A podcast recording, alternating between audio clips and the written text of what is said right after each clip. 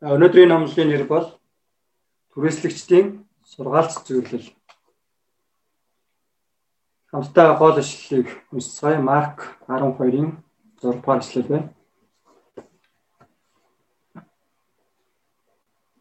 За эхлээд түүнд үлдсэн ганцхан хайртай хүн байв. Эцэст нь тэр хэд хүүгэн хүндлэнгээд түүнийг түүнийгээ явуулваа. Ави залбирая энэ цагт. Хайртай хэзмнээ танд баярлалаа. Асуулт арай гэнтээ бидний Есүс Христийн нэрээр аварч гсэнд талархаж байна. Энэ өдрийг бас зөвшөөрөн өгч танд хүндэтгэл мөрөглийг өргөх боломжийг бас өгж байгаад баярлалаа. Энэ цагт эзэн та өөрийн үгийг бас бидний зүрхтгэлд гүн гүнзгийс хийж бас юу бидэнд ойлгуулж хэлхийг хүсч байна. Тэр л үгээ ариун сүнсний эрх мэдэл хүч чадал дотор ойлгуулан ухааруулж өгөөж гүйж байна. Энэ цагийг эзэн танд даатгах гэж байна. Сулдраа хүүтэйгээ хамт байж ариун сүнсээр та өдөрдөж өгөөрэй. Есүс нэрээр даатхан залбирч байна. Амен. За Есүс сүмийг цэвэрлэж эрх мэдэлтэйгээр сургаал зааж байсан тул ахлах дахиач нар ба хуулийн багш нар Есүсийг хөнөх арга замыг хайж байсан. Өнөөдрийн зарлагт Есүсийг буруутхан ялд унахыг хүсч буй шашны өдөрдөгч нарт сургаал зөвлөлөөр өөрийн эрх мэдэл ба тэдний гмийг ухааруулж сайн мэдээний үнэн ба өөрийгөө жинхэнэ месиа гэдгийг ойлгуулж байна. Ялангуяа Бурханаас нүүр буруулсан хүн төрлөختний гмийн үндэс ба царын ганц хайртай хүү Есүсийг илгээх хүртэл хайрлаж буй Бурханы хууршгүй хайрыг заан өгч байна. Бид бүхэн өнөөдрийн зарлагаар дамжуулан Бурхан бидэнд өгсөн ивэл нь юу вэ? Мөн энэ ивэлийг хэрхэн зөв эдэлж үр жимсийг хураан амьдрах талаар суралцж чадахыг хүсэнгүйж байна. Нэгдүгээр хэсэг Есүсийн эрх мэдэл 11-ийн 27-оос 33 ба. Бүх үндэсний залбирлын гэр байх ёстой ариун сүмэн хуулийн багш нар ахлах тахилчдаас болж материаллык дэлхийлэг болж буйг хараад маш их уурлаж сүмийг цэвэрлсэн ба. Дараа өдөр нь Есүс сүмийн зөвхт байдлыг сэргээхийн тулд сүмд очин сургаал зааж Бурхан үгийг тунхаглаж байлаа. Тэр үе чашны удирдагчид удирдагчид хурч ирнэ. Ямар эрх мэдлэр эдгээрийг үлдэнэ вэ? Эдгээрийг үлдэх эрх мэдлэлтийг хэн танд өгсөн бэ гэж асуусан.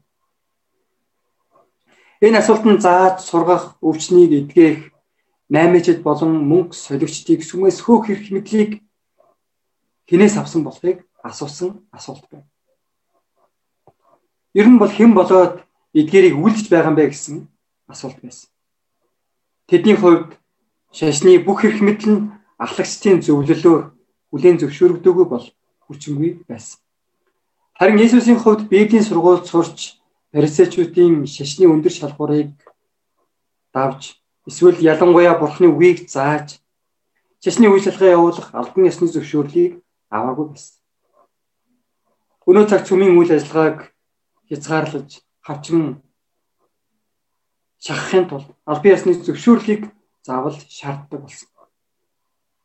Заримд нь бүртгэл зөвшөөрөл өгөхгүйгээр хавчих болсон. Энэ нь Бурхны хаанчлалын ажил зарим талаараа саад дотор болох болсон ч гэсэндээ Бурхны ажил нь үгээр хязгаарлагдах байна. Тэдний асуултанд Есүс яаж хариулахаас хамаарч нөхцөл байдал өөрчлөгдөх байлаа. Хэрвээ Есүс Бурханаас эрх мэдэл авсан гэвэл Бурхныг доромжилсан хэрэгээр шүүж Хэрвээ тодорхой хариулж чадахгүй бол дураараа арт түмнийг уруу татаж сүмийг өмүүлсэн гэж буруутгахыг хүссэн. Ялангуяа арт түмэн Есүсийг сонсож дагаж байгааг хараад өөрсдийнх нь эрх мэдэл нэр хүнд нь унахаас айж байл. Харин Есүс Есүс тэдэнд ямар хариултыг өгсөн бэ?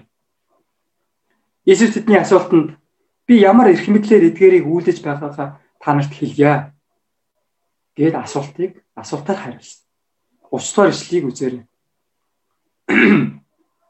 Йоханы баптизм Тэнгэрээс үү эсвэл хүмүүсээс үү надад хариулаадахгүй. Энэ асуулт нь Есүс өөрийгөө Бурханаас өгөгдсөн эрх мэдлэр ажиллаж байгааг гэрчлэх гэсэн. Ялангуяа Бурханы эрх мэдлэр ажиллаж буй өөрт нь итгэж хүлээн авснараа Бурханы хүү Месиа гэдгээ хүлээн зөвшөөрүүлж гэрчлэхийг хүссэн. Хэрв тэд Иохны баптизмыг Тэнгэрээс буюу Бурханаас гэж хариулах юм бол Есүсийн эрх мэдлэгч Бурханаас гэдгийг хүлээн зөвшөөрөх ёстой байл.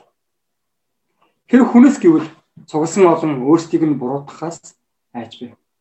Учир нь тэд юудэчүүд тэр үед юудэчүүд баптистч Иохныг Бурхны эрх мэдлийг хүлээн авсан агуу ишижүүлэгч гэж хүлээн зөвшөөрч итгэдэг байсан. Гэвч ясны удирдагч нь Есүсийн эрх мэдлийг Бурханаас гэдгийг хүлээн зөвшөөрөхийг хүсээгүй.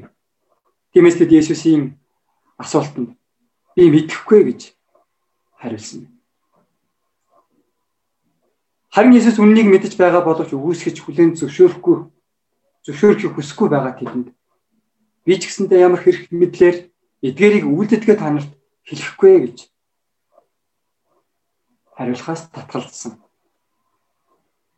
Энэ нь маш мэрэгэн ухаантай зөв хариулт байсан бөгөөд ахлах тахилчид хуулийн багш нарт гэмших боломжийг олгож өгсөн юм. Үнэндээ бол сүнсний эрх мэдэл нь Бурханаас л өгддөг юм аа. Ийхүү сүнсний эрх мэдэл нь байр суурь, итгэлээр хэр олон жил амьдарсан эсвэл ямар авиас чадвартай эд хөрөнгөний хэмжээ, Библийн мэдлэг боловсрал хүн болон байгууллагаас ирдэггүй. Ийм бодит гаднах эрх мэдлэр хизээч хүмүүст үйлчилж авралын ажлыг хийж чадахгүй. Тиймээс сайн мэдээний ажилчид болон сүнсний удирдагчид нь эдгээр гаднах эрх мэдлэр Бурхны ажлыг хийх гэж зүтгэх нь ямар ч үр дүнгүй юм. Жинхэнэ сүнсний эрх мэдэл нь Бурхан Бурхантай үг ба залбирал дотор зөв харилцаатай байхаас эхэлдэг. Ялангуяа Иесусийн адил өөрийгөө даруй болгон бусдын төлөө золиос зориулалттайгаар үйлчлдэг амьдралаас гардаг. Сүнсний эрх мэдэл нь Бурханд бүрэн түшиглэж Эзний хүслийн дагуу дуулууртай дагдаг амьдралаас гардаг юм. Хүмүүс инхүү үлдэж буй жинхэнэ сүнсний эрх мэдэлтэй нэгнийг зүрхнээсээ хайрлан хүндэтгэж мөн нандинд тооцсон дуулууртай дагдаг. Тэр сүнсний удирдагч нь инхүү үлдэн амьдрахгүй бол сүнсний эрх мэдлийг олж авахгүй бөгөөд хүмүүс ч үнийг мэдэрдэг учраас захирагдаж дуулууртай дагахгүй. Тиймээс сүнсний удирдагч болсон хончид бид ч гэсэн Есүс шиг Бурханаас өгдөг сүнсний эрх мэдэлтэйгээр авралын ажил нандаар хэрэглэгдэх хүмүүс болж чадахыг хүсэн гуйж байна. Есүсийн эрх мэдэл нь сүнслэг эрх мэдэл бөгөөд Бурханаас ирсэн юм. Есүсийн эрх мэдэл нь Бурхан эцэгтэйгээ харилцах харилцаанаас ихтэй бөгөөд өөрийн үүсэл ба зааж буй үгээрээ дамжуулан гэрчилсэн. Есүсийн эрх мэдэл нь ямар нэгэн хүн болон байгууллагаас огт хамааралгүй байсан. Тиймээс бидэнд сайн мэдээний ажлыг хийхин тулд Есүсийн эрх мэдэл хэрэгтэй. Үнэн дээр бол Бурхны өгөх эрх мэдлэггүйгээр сүнслэг талбарт хинч юу ч хийж чадахгүй. Бурханд л бүх эрх мэдэл байгаа бөгөөд харин бид зүгээр л түүний зарц юм аа. Бурханд босгох хийгээд буулгах, ургуулах хийгээд өхүүлэх, өсгөх хийгээд бууруулах, амьдруулах хийгээд өхүүлэгч эрх мэдэлтэй. Хүмүүс бид энэ дэлхий дээр өөрөө өөртөө эсвэл хэн нэгэнд эрх мэдлийг өгч болно. Гэвч Бурханаас өгдөг сүнслэг эрх мэдлгүй бол юу ч хийж чадахгүй. Бурхан бол бүх зүйлийг захирч бас эрх мэдэлтэйгээр бидний амьдралд оролцож байдаг юм. Тэр өөрийн эрх мэдлэр бидний амьдралыг хөдөлгөж, өөрчилж, удирдан жолооддаг. Түүний эрх мэдлийг бүрэн дүүрэн хүлээн зөвшөөрснөөр бүх амьдралаа түүн даатхан амьдарч чадахыг хүсэн гуйж байна. Хоёрдугаар хэсэг түрээслэгчдийн сургаалт зөвлөл. Одоо бүгдээрээ нэгдүгээр ишлэлийг үзээрэй.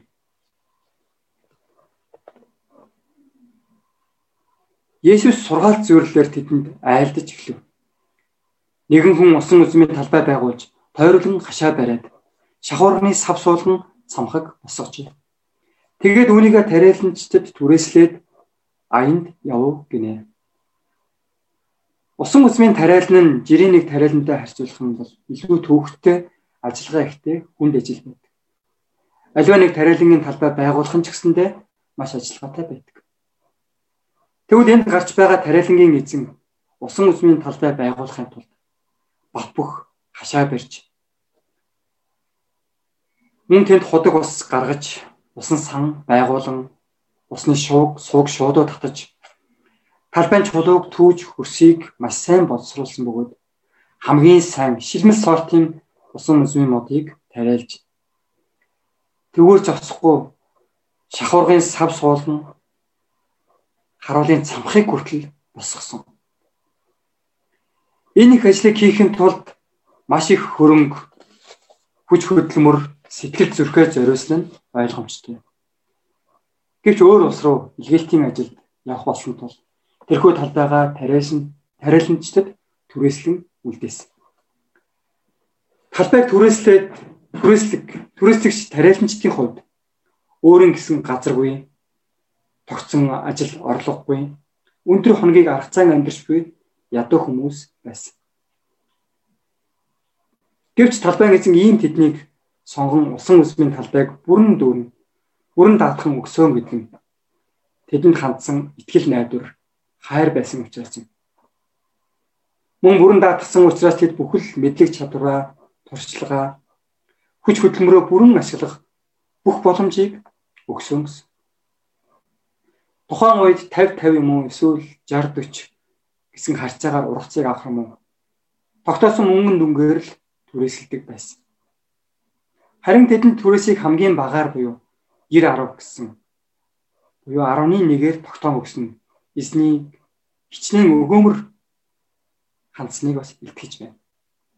Тэдний хувьд талбайг хариуцсан авах зохистой байгаагүй. Бизнесмен хүн бол ийм зүйлийг хийх хизээч хийхгүй байсан байх. Харин ч энэ сайхан ажлын байранд тендер зарлаж хамгийн найдвартай, мэдлэг туршлагатай, итгэмжтэй, өөрт нь өндөр ашиг өгч чадах тэрл хамт улам талбайгаа түрээслээд явах нь дээр санагдана. Гэвч энэ эзэн тэгээгүй бөгөөд зах дээр очоод ажил орлогогүй ядуу хүмүүсийг сонгон авч талбайд ажиллах боломж өгсөн нь онцгой ивэл бөгөөд талархаад ч баашгүй зүйл байсан. Тарилчид тарилчид энэ ивэл талархан идэвхтэй ажиллаж эзнийхээ итгэл найдварыг алдалгүй гэрээгээ сахин биелүүлэхэд л болох байсан. Тэд ингэж ажиллавал амьдрах орон сууцтай, унах унаатай, хадгаламжиндаа мөнгөтэй, элбэг хангалуун амьдрах бүрэн боломжтой болсон. Энэхүү тариалангийн ажил тийм ч их эрсдэл золиос золиостой ажлын байр биш байсан.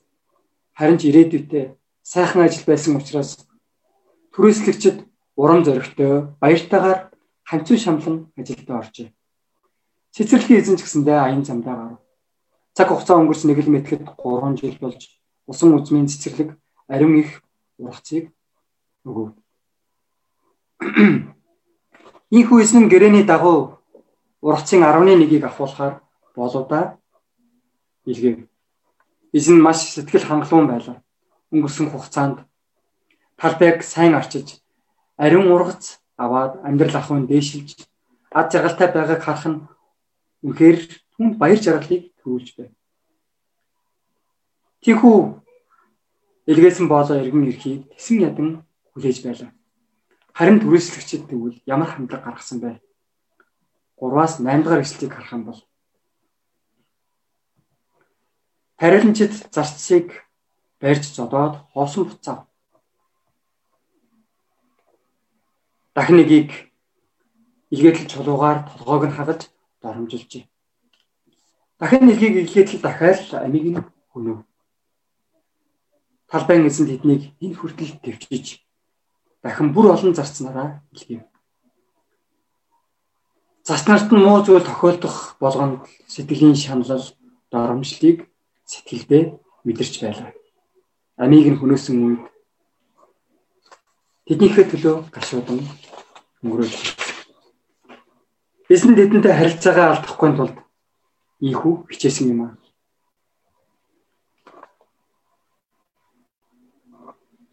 Тэд эзний төвчээрийг сул дорой байдал гэж буруу ойлгож.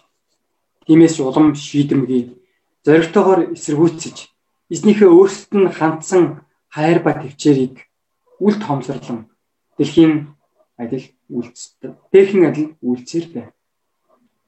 Энэ үед эзэн шууд л өөдгөө түрээслэгчдийг хөөн зайлуулж шийтгээд талбайгаа өөр хүнд хариуцлан өгч болох байсан. Гэхдээ эзэн тэд эзэн нь тэд тэд хүүг минь хүндлэн гэд хүүгээ илгэв. Харгис балмад тариаланчдад хүүгээ явуулах нь маш аюултай эрсдэлтэй болох юм байлаа. Гэсэн ч эзэн эцэс хүртэл хүсэл найдвар тавьжээ. Хүүг нь эцгээ төлөөж хүүн эцгээ төлөөж байсан учраас хүүг өөрт нь өөртөө надад тооцож хүндэлнэ гэж найдсан. Хүүг нь хүлээн авч хүндэлбэл өнгөрсөн бүх гин бурууг нь уучлна гэж шийдсэн байв. Гэвч харамсалтай нь эсрэгээр болов. Хариуланчид эн чинь өв залхамжлагч нь байна. Эртгээ түүнийг алчих бол өв хөрөнгө нь биднийх болно гэд түүнийг барьж амийг нь хөнөөгөөд талбайн гадна гаргаж хаяв. Тэд эзнийхээ эцсийн хайр ба итгэл найдварыг алдаж түүнд хүндэтгэлгүй хандаж аимшиггүйгээр тэрслэв. Энэ зөвлөлт талбайн эзэн бол бурхныг Тариаланчид нь Израилийн шашны удирдагчдыг усан үзмийн талбай нь Израиль ард түмэн ба энэ дэлхийг зарцнаар нь хуучин гэрээний ишивжүүлэгчдийг хүүн Есүсийг төлөөлөн зааж байна. Бурхан Израилийг бүх үндэстний дундаас онцгойлон сонгож өөрийн эзэмшлийн ард түмэн ба тахилжуулсан болгосон. Тэгээд тэдэнд бүх ард түмнийг авран амийн үржимсүүдийг бурхан дөрвөх үүргийг даатгажээ. Мөн бурхан тэдэнд ариун үр жимс төрүүлэх бүх сүнслэг өрөөлөд ба өрсөл боломжийг бүрдүүлж өгсөн. Ингэснээр тэд бүрэн дүүрэн аз жаргалтай, үн цэнтэй, утар учиртай амьдраасаа хэмээн хүссэн. Үүнчлэн бурхан харь үндэстэн гэмтээ зохисгүй биднийг сонгонд удаад усан усмын талбайг хариуцлан өгчээ. Энэ нь бидэнд өгсөн ивэл бөгөөд нандин үүрэг юм. Ялангуяа их сургууль гэсэн усан үзмийн талбайг хариуцуулж өгчээ. Үүний зэрэгцээ сайн мэдээний үг, амлалтууд, ариун сүнсний бэлгүүд хамтран зүтгэгч нарыг ч гэсэн өгч үр жимс хураан авах тааламжтай нөхцөлийг бүрдүүлж өгсөн. Энэ нь ариун үр жимс ургуулan бурхныг алдаршуулахын тулд юм аа. Хүмүүрт усан үзмийн талбайд ажилдан үр жимс хураах боломж өгсөн нь амьдралыг үн цэнтэй утга учирт учиртай болгох ерөөл юм. Бурхан биднээс үр жимс хүсэж байгаа нь Бурханд үр жимс хэрэгтэй учраас болсон. Харин Бурхан бидэнтэй зөв харилцаатай байхын тулд юм. Үр жимснийхээ багхан гэсхийг Бурханд өргөж байгаа нь түүнийг хүндэтгэж түүний эрх мэдэл ба хүч чадлын төлөө талархлаа илэрхийлж буй зүйл юм.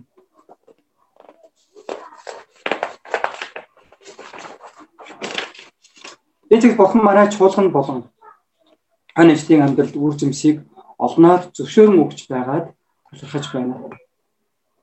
Гэвч сэтгэл ханаж болохгүй. Өөдгөө түрээслэгч буюу чашны өдөрдөгч нар шиг болчихгүй тул үргэлж сэрэмжтэй байж даруй сэтгэлээр эзнээс эмээн амьдрах хэрэгтэй юм. Хэрэг түрээслэгчид эзний зарц нарыг бүлээн авч усан үзмийн ургацаас оногдох хувийг өргөж байсан бол эзэнтэйгээ сайн харилцаатай байж түүний өрөөлүүдийг үргэлжлүүлэн идэж болох байсан. Харамсалтай тэд эзнийхээ эсрэг тэрсэлж өөдгөө зам гаргаж байна. Тэгвэл тэдний ийхүү үлдэх болсон шалтгаан юу вэ? Нэгдүгээрт эзнээс авсан ивэлийг мартаж талархахаа билсэн. Уг нь тэд анх баяр талархлын нулимсыг унгаж байсан. Гэвч цаг хугацаа өнгөрөх тусам авсан ивэлийг мартсан усан үзмийн талбайд ажиллах нь байх ёстой зүйл мэтэр бодох болсон. Өөрсдийн сайндаа сонгогдсон гэж бодох хүртлээр сэтгэл нь хувирчээ. Тэд анхны хайраа мартах тусам эснийг л эснийг ч хүндлэхээ болив. Тэд өөрсдийн хэн болох, хэрхэн зовж шаналж байснаа Бурхан тэднийг хэрхэн өршөөж ивэж байсныг ч мартжээ. Үүнчлэн бид ч гэсэндээ урд нь хэн байхад мөн Бурхан бидэнд ямар хайр ивэлийг үзүүлснэг санахгүй бол тэдэн шиг л болно. Ялангуяа гимба өглөөс аварч утга учир ба зоригтой, үүрэгтэй шинэ амьдралыг өгсөн Бурхны ивэлийг байнга сан талархаж амьдрах нь маш чухал юм. Хэрэг бид ийм үндсэн ивэлийг мартаж үл талархвал сүнсний дөрөдөл ба гмийн асуудал унах болно. Тэгээд бурхантай зөв харилцаагаа алдаж тариаланчид шиг хорон муу Бурхны эсрэг нэгэн болж хувирах бол талархдаггүй нэг нь байнга л гомдлын дунд амьдарч байгаад Бурхны ивэлээс улам холдон эцэст нь байгаан хүртэл түүнээс аврагдах болно. Эфес 5-ын 20 дугаар ишлэлд ишлийг үзэх юм бол Бурхан болон эцэгт бүхний төлөө эзэн Есүс Христийн нэрээр үргэлж талархал өргөө хэмээн тушаасан. Мөн 1-р Тесалоник 5:18 бүх зүйлд талархлаа өрг. Учир нь энэ бол та нарын төлөөг Христ Есүс дэх Бурхны хүсэл мөн гэжээ. Бурхан талархан талархууштай зүйл талархах тухай хэлээгүй. Харин бүхний төлөө үргэлж талархах гэж. Энэ нь амьдрал хэцүү байсан ч жаргалтай байсан ч талархна гэсэн үг юм.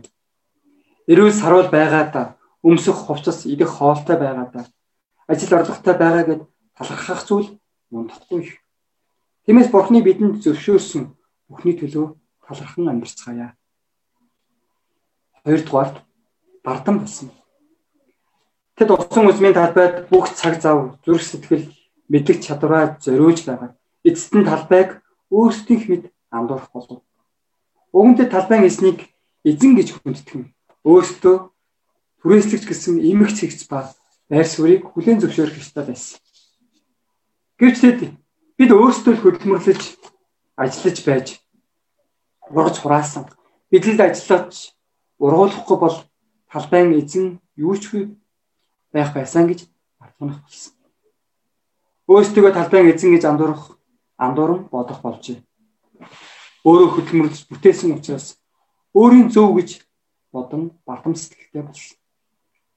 Эхлэл 1:28 дугаар эшлэгийг харах юм бол Бурхан тэднийг өрөөж, үжин олширцгоог газар дэлхийг дүүргэж түүнийг эзэмшцгээг далайн загас огторгын шувууд хийгээд газар дээр хүлхвч амтан бүхнийг захирцгааг гэж тушаасан. Энэ нь Бурхан хүн төрлөختөнд энэ дэлхийг эзэмших, захирах онцгой эрхийг өгсөн гэдгийг хэлж байна. Тиймээс бид энэ бүхнийг бүтээсэн эзэн нь биш харин төр зур хариуцагч юм аа. Бурхан орчин ертөнцийн эзэн. Бурханыг орчин ертөнцийн эзэн гэж хүлээн зөвшөөрөхгүй бол өөрийгөө амьдралын эзэн болгож бардам болдог. Эцэст нь ямар ч үр жимсгүй нэгэн болно. Бардамнал нь хүнийг хорт хавдар мэт өвчлүүлж зөврүүлдэг. Тиймээс бид Бурханыг амьдралынхаа бүх талбарт эзэн гэж хүлээн зөвшөөрөх хэрэгтэй. Гуравдугаарт нь хүсэл шуналт автсан. Ашиг орлого цалин нэмэгдэхэд 11 ч гэсэндээ их санагдаж харамлах сэтгэл нь төржээ. Хэрвээ миний цалин 200 мянга байхад 20 мянган төгрөгийг өгөхөд амархан байж болох. Харин 2 сая төгрөг цалинтай болвол 200 мянган төгрөгийг өргөх нь хэцүү санагдаж болох. Тэдний хувьд хувьд ч гэсэндээ ганц удаа л энэ энэ жил эсвэл энэ сард өгөхгүй байя гэж бодож байсан ч сүултээ талбайг өөрийн болгох гэсэн шунал тавцсан. Тийхүү тэд эд хөрөнгөний шунлаас болж хүүгийнх нь амийг хүртэл хөнөөх ноцтой гмийг үлдэн. Шунхаар шунхаарлыг зүрхэндээ тээж явах нь бол эцэст нь гмийг төрүүлж гмэн бүхэлд хүргэдэг. Шунхаарл нь бардам сэтгэлийн адил бүх гмийн үндэс болдог. Тиймээс өчүүхэн шунал төрөхөд шууд гэмшин зайлуулах хэрэгтэй. Тэр бид энэ дэлхийн зүйлсэд шунан хайрл бол эзэн бурхныг хүндэтгэн хайрлаж чадах. Хүмүүс бардам сэтгэл ба шунхаарлаас болж бурхныг хүндэтгэн зөвшөөрч чаддаггүй.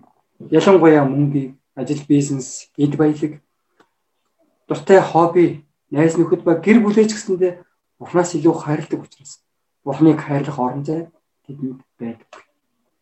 Тэр өөрсдөө амьдралын эзэн хаан хэмээн өргөмжилж бурхныг зарс нарын үгийгч үл том Бурхны хүслийг үгүйсгдэг. Эцэст нь тэд Бурхны илгээсэн хүү Есүсийг ч гэсэндээ хүлээн авахаас татгалздаг. Гэвч тэд хүчилд ачаал бардамнал ба Бурханд хүндэтгэлгүй хандснаас болж гмийг үйлцэн боловч Бурхан тэдэнд хандсан хайр нь хэвээрээ байсан юм. Тиймээс хайртай ганц хүүгээ илгээх хүртэл хайрлаж өөрийн хувиршгүй хайрыг харуулсан юм. Йохан 3:16 Бурхан ертөнцийг үнэхээр хайрлсан та цорын ганц хүүгээ өгсөн тул хүүд итгэдэг бүхэн мөхгүй харин мөнх хамттай байх болно гэж хэлсэн. Бурхан төвчээрээр баян бөгөөд гимшиж өөрчлөгдөөсөө хэмээн хүсдэг. Харин эцэс хүртэл татгалцаар байвал юу болох вэ? Одоо 9 дугаар ишлэгийг үзээрэй. Тэгвэл усан үзмийн талбайн эзэн юу хийх вэ? Тэр ирж тариаланчдыг хөнөөгөөд усан үзмийн талбайгаа өөр хүмүүст өгнө гэсэн. Бурхан дандаа хайраар хандаад байвал Бурхны шудраг байдал алдагдах болно. Бурхны өмнө гэмшихгүй бардам ихэмсэг байгаа хүмүүсийг Бурхан хөнөөж цэцэрлэгээ өөр хүмүүст өгнө гэж. Тэд эзний төвчээр ба хайрыг үл тоож эзнийг юу ч хийж чадахгүй гэж андуурчээ. Ийхүүтэд эзнийг доромжилж байгаад эцэст нь хөнөөгцөн. Энэхүү ойлггүй муу тариаланчдын дүр төрх нь юудэ шашны өдөртөгч нарт үдийгүй. Өнөө цаг үеийн Бурхныг тэрсэж би хүмүүсийн гэмт чанарыг харуулж байна. Гэвч ийм гэмтээ хүн төрлөختний төлөө Бурхан агуу их төвчээрийг харуулж эцэс хүртэл хайрласаар байгаа бөгөөд үргэлж боломж олгосоор байна.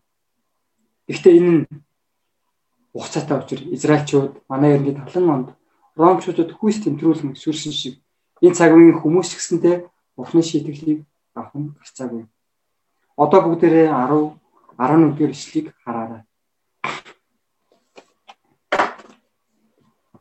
Та нар барилгын голсон чулуу булангийн чулуу болжээ. Энэ нь эзнээс ирсэн бөгөөд бидний нүдэнд гайхалтай гэж бичвэрээс уншаагүй юу гэлээ. Есүс дуулал 118-ын 22 дугаар ишлэлийг иш татан барилгын голсон чулуу нь булангийн чулуу болсон гэж хэлж байна. Энэ нь Есүс өөрийгөө зөвгөн хэлж байгаа бөгөөд энэ дэлхийн эрх мэдлэгнүүд болон шашны удирдагч нарт гологдсон ч гэсэндээ Бурхны авралын ажилд хамгийн нандин үнцэнтэй чулуу болон хэрэглэгдсэн юм а. Барилга барихад булангийн чулуу нь хамгийн чухал чулуу байсан. Бөгөөд энэ чулуун дээр тоосгуудыг өрж ханыг босгодог байж. Үүнтэй адил Бурхны авралын төлөвлөгөө нь Есүс нь чухал үргийг гүйцэтгэсэн юм а.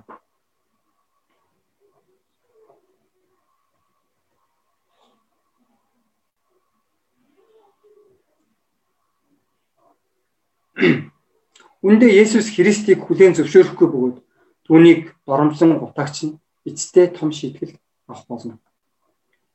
Бид энэ цагт өөрсдөө эрхэм хэмээн андуурдаг ихэмсэг сэтгэл ба болон шунаг сэтгэлийг гэмшиж Бурхныг өөрийн амьдралын эзэн хэмээн хүлээн зөвшөөрч чадахыг гуйж байна. Бурхны бидэнд хариуцуулан өгсөн усан үзмийн талбай болох их сургуульд сайн мэдээг дэлгэрүүлэн Бурхны Бурхан эзэндээ ариун үр жимсийг өгдөг Бурхны итгэмжит сайн тариланчт болохыг хүсэн гож байна. Дүгнэлт. Өнөөдрийн номлолоор Бурхны нэгүсэл ба төвчээр хүн төрлөختнийг хайрлаж буй агуу хайрын талаар суралцлаа. Есүсийн дэлхийд Есүсийг энэ дэлхийд илгээсэн нь Бурхны хайрын илэрхийлэл байсан. Тиймээс энэ Есүсийг аврагч эзэн хэмээн зөрчилдөө хүлээн авцгаая. Түүний алдрын төлөө өөрсдийн амьдрал, ажил мэргэжил, сургууль, гэр бүл, их сургууль ус үндэснээс ариун үр жимсийг хүлээн авч Бурхан эзнийг хүндэтгэж чадахыг хүсэн гуйж байна. Амен. Одоо бүгдээрээ хамт залбирцгаая. Хайртай эзэмээ танд баярлалаа. Энэ цагт усан үзмийн тариаланч болон түрээслэгчийн талаар сургаалт зөвлөлтөөр бидэнд бас үннийг ойлгуул зааж гисэнд талархаж байна. Бид бүхэн үнэхээр эзэн таны өмнө бардам, хайрал, ихэмсэг зан болон үнэхээр таны өмнө зохисгүй байгаа бол тэр бүхнийг ч гэсэн эзэн таны өмнө дэмжиж байна. Таны бидэнд хариуцлан өгсөн усан үзмийн талбайг итгэмжтэйгээр бас даруй зэрэгтгэлээр хариуцж ариун үр жимсийг төрүүлэн гаргаж чадахыг хүсэн гуйж байна хүн бүр байгаа талбар бүр дээр үр жимстэй амьдарч бүхэл зүйлийн эзэн зөвхөн Есүс Христ юм а гэж хүлээн зөвшөөрч амьдарч чадхыг хүсэнгуйж байна. Тийм ээ та бидний төлөө биднийг хайрлсан хайраа харуулan Есүс Христийг илгээсэн учраас баярлалаа. Есүс Христийг аврагч эзэн хэмээн тунхаглаж гэрчилж үнэхээр таны хаанчлан төлөө бүх зүйлээр зориулан амьдрахад та биднийг удирдах өгөрөө гэж гуйж байна. Энэ цагийн төлөө талархаж байна бүх зүйлийн төлөө талархна даатхан Есүсийн нэрээр залбирч байна. Амен.